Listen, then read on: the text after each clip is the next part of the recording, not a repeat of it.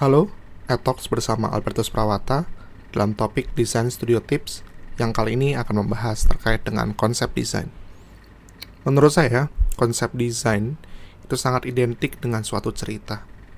Jadi dalam menjelaskan suatu konsep, perlu disampaikan juga terkait dengan cerita yang menarik.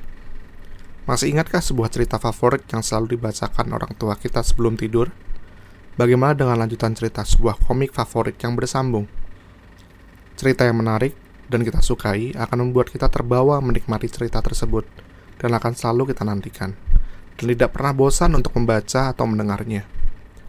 Ada emosi tertentu yang keluar dari suatu cerita, bahagia, sedih, marah, kecewa, iba, dan lainnya.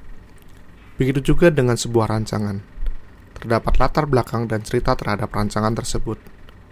Hal ini bisa dilatar belakangi dari kondisi-kondisi yang ada, baik secara fisik seperti kondisi tempat dan iklim, maupun non-fisik seperti keadaan sosial, budaya, dan ekonomi.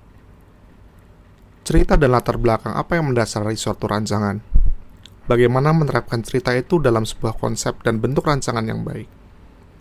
Hal ini yang nanti harus bisa dijawab dan diselesaikan pada sebuah rancangan, baik melalui fungsi, bentuk, ataupun program, sehingga suatu rancangan itu dapat memberikan cerita yang menarik dengan menjawab permasalahan-permasalahan dan kebutuhan-kebutuhan yang ada.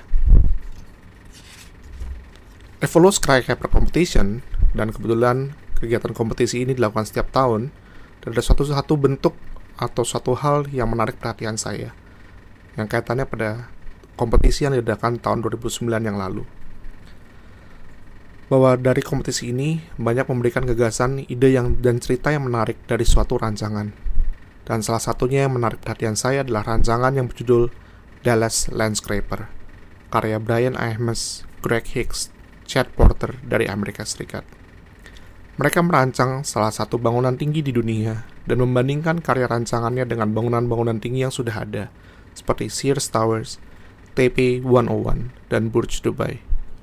Yang menarik dari rancangan ini, mereka tidak menghadirkan rancangannya secara vertikal, tetapi secara horizontal – memberikan suatu pandangan dan paradigma baru terkait dengan rancangan skyscraper. Jadi, apa ceritamu?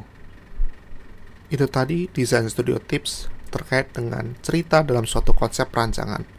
Sampai jumpa lagi di eTalks dalam topik desain studio tips berikutnya. Have a great day.